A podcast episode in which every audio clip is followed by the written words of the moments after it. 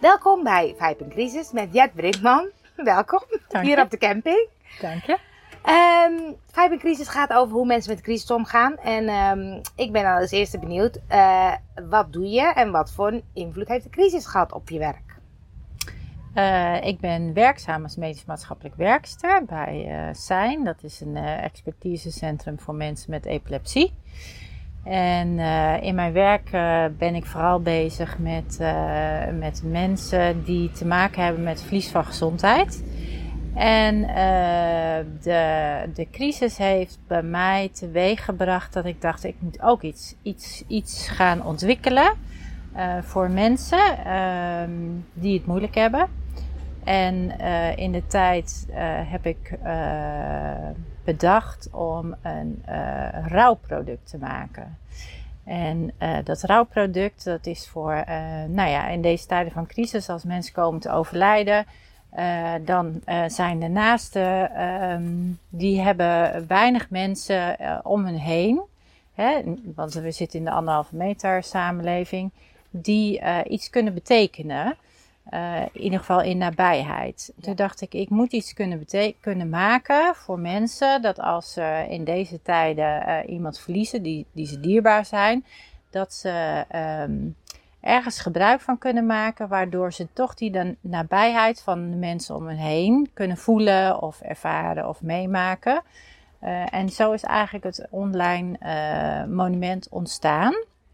En dat... eh, ik neem aan dat je wil weten wat het is. Ja, nou, graag. Ik vertel er graag over. Nou ja, het is misschien handig om te weten. Het past ook bij je opleiding. Want je bent Ja. bezig met. Ik ben bezig met een eh, opleiding tot eh rouw- en verliestherapeut.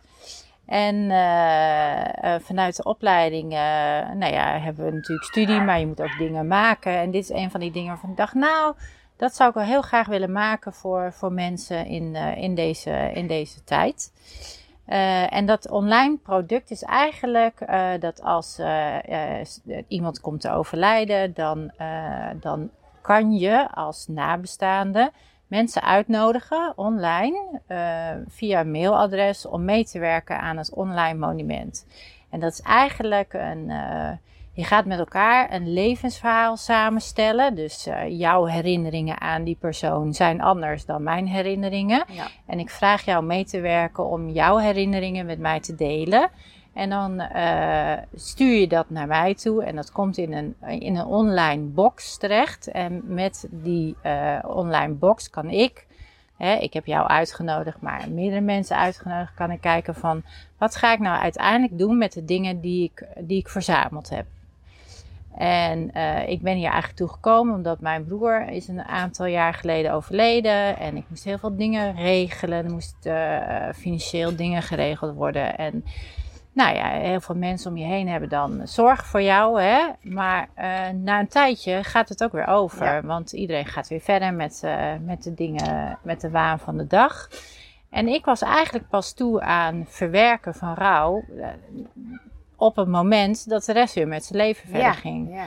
En toen dacht ik, ik ga ehm, mensen uitnodigen om de foto's die ze op hun toestel hebben van mijn broer.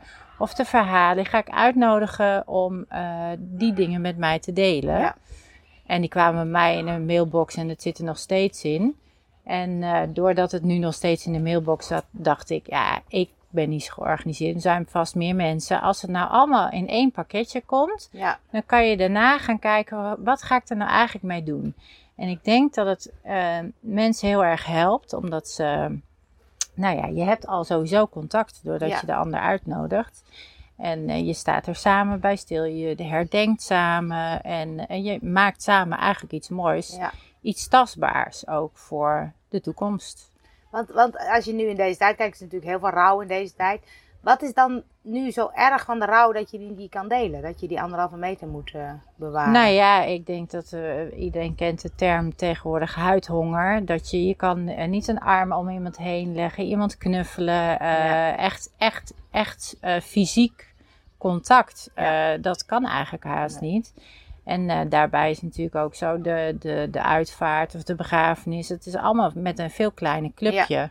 En ehm, dus echt het echte eh, fysieke contact, dat kan natuurlijk met online eh, monument kan het nog steeds niet. Nee. Maar toch zoek je de verbinding met elkaar Ja. op.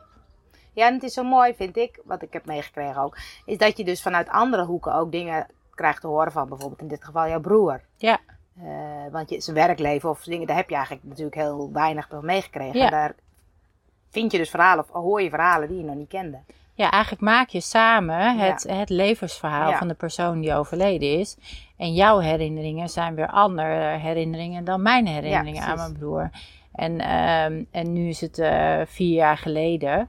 En eh, als ik dan eh, iemand een foto naar mij stuur, een foto die ik niet ken van mijn broer, ja, dat vind ik al heel bijzonder. Ja. Daar sta je eigenlijk niet bij stil. Nee, klopt. Ja. Dus eigenlijk alle, alle herinneringen, alle momenten, alle eh, dingen die je met de nabestaanden wil delen, die zijn heel bijzonder. Ja. ja. Mooi.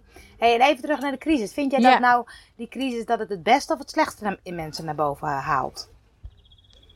Ehm, ik denk allebei. Ik denk eh, de, eh, als je ziet dat eh, er is. ehm, eh, mensen gaan, worden harder soms ook, hè, met de demonstraties. En soms denk ik ook wel, er worden ook.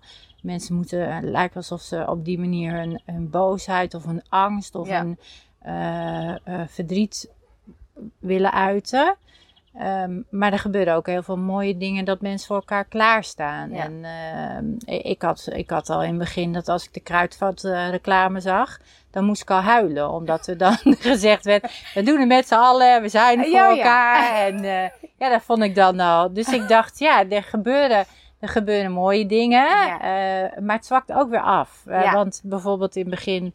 eh, voor al het eh, zorgpersoneel, eh, Ja, daar werd geapplaudiseerd. En Ja. ja. op het moment dat het weer minder urgent allemaal is, merk je toch dat, dat het weer een beetje afzwakt. En iedereen nou, gaat weer door met zijn dingetjes. Dus ik denk, ik denk ja, het, het haalt het beste naar boven.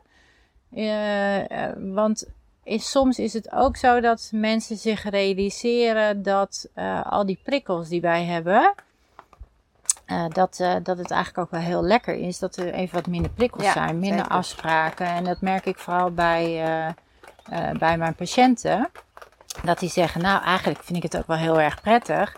Want ik hoef ook minder. En het voelt ook anders. Want het is niet zo dat ik dat alleen heb. Maar iedereen heeft dat. Ja. Het begint ondertussen te regenen. Ja, in, de, te regenen. in het, onder de tent zitten we.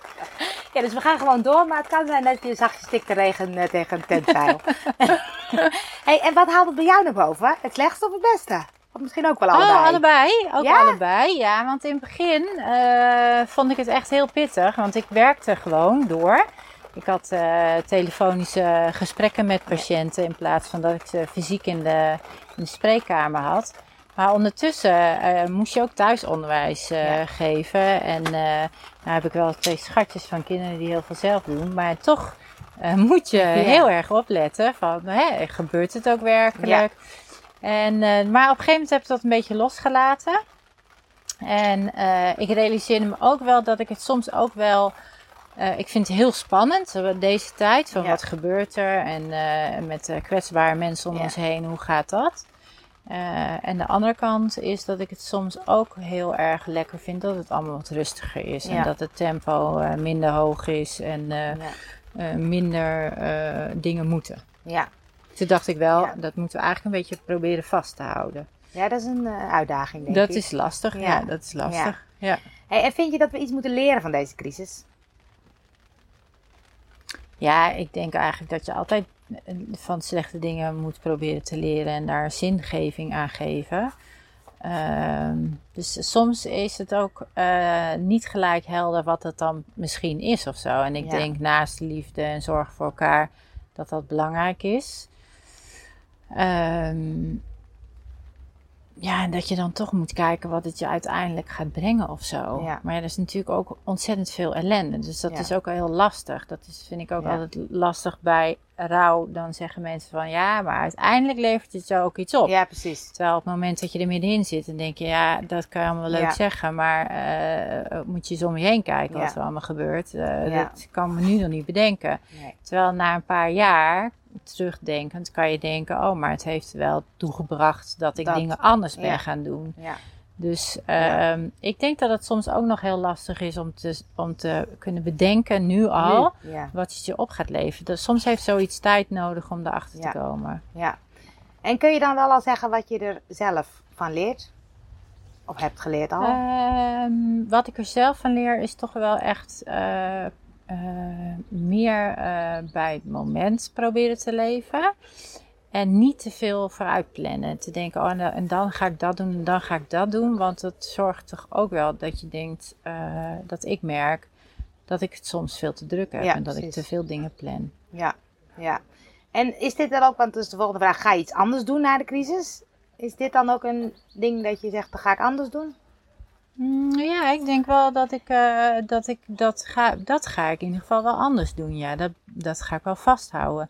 Ik ga niet weer eh, maanden vooruit afspraken plannen met mensen en eh, in mijn agenda vol zetten met allerlei dingen en meer kijken van nou, waar heb ik op dat moment zin in, wat wil ik gaan doen. Ja.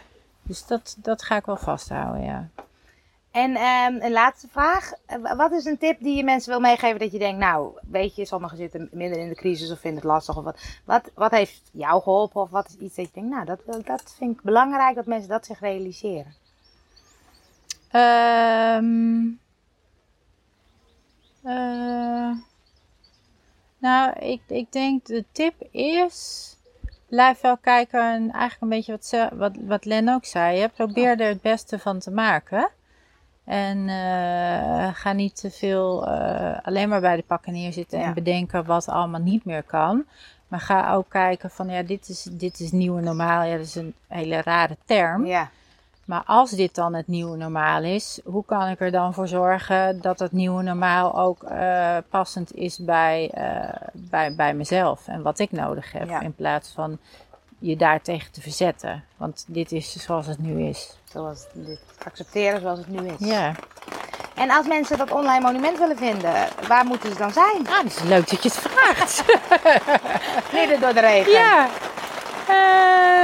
maar een online monument die kan je terugvinden op, eh, op eh, internet. Het is nog niet helemaal online, dat gaat binnenkort. Maar je, mijn site kan je al terugvinden. Www. Ja, Nou, nou, stilstaan bij verlies.nl.